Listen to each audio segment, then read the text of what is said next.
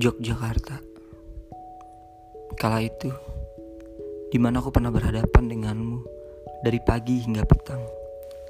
Kita mengeluarkan sebuah berita yang serius tapi dibawa santai.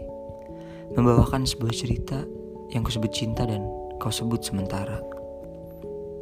Aku tak akan pernah lupa pada suatu hari malam pukul 8 di tengah kota Yogyakarta. Ku turun dari bis kota kita menghabiskan waktu bersama, dan ku terbawa pada panggung yang mempertunjukkan seni wayangnya, menjadikannya tawa, tepuk tangan, dan kesenangan. Yang buatku lupa bahwa hidup tentang keseimbangan. Ada tawa dan ada tangis yang menyala. Sekilas aku merasa seperti sudah memilikimu.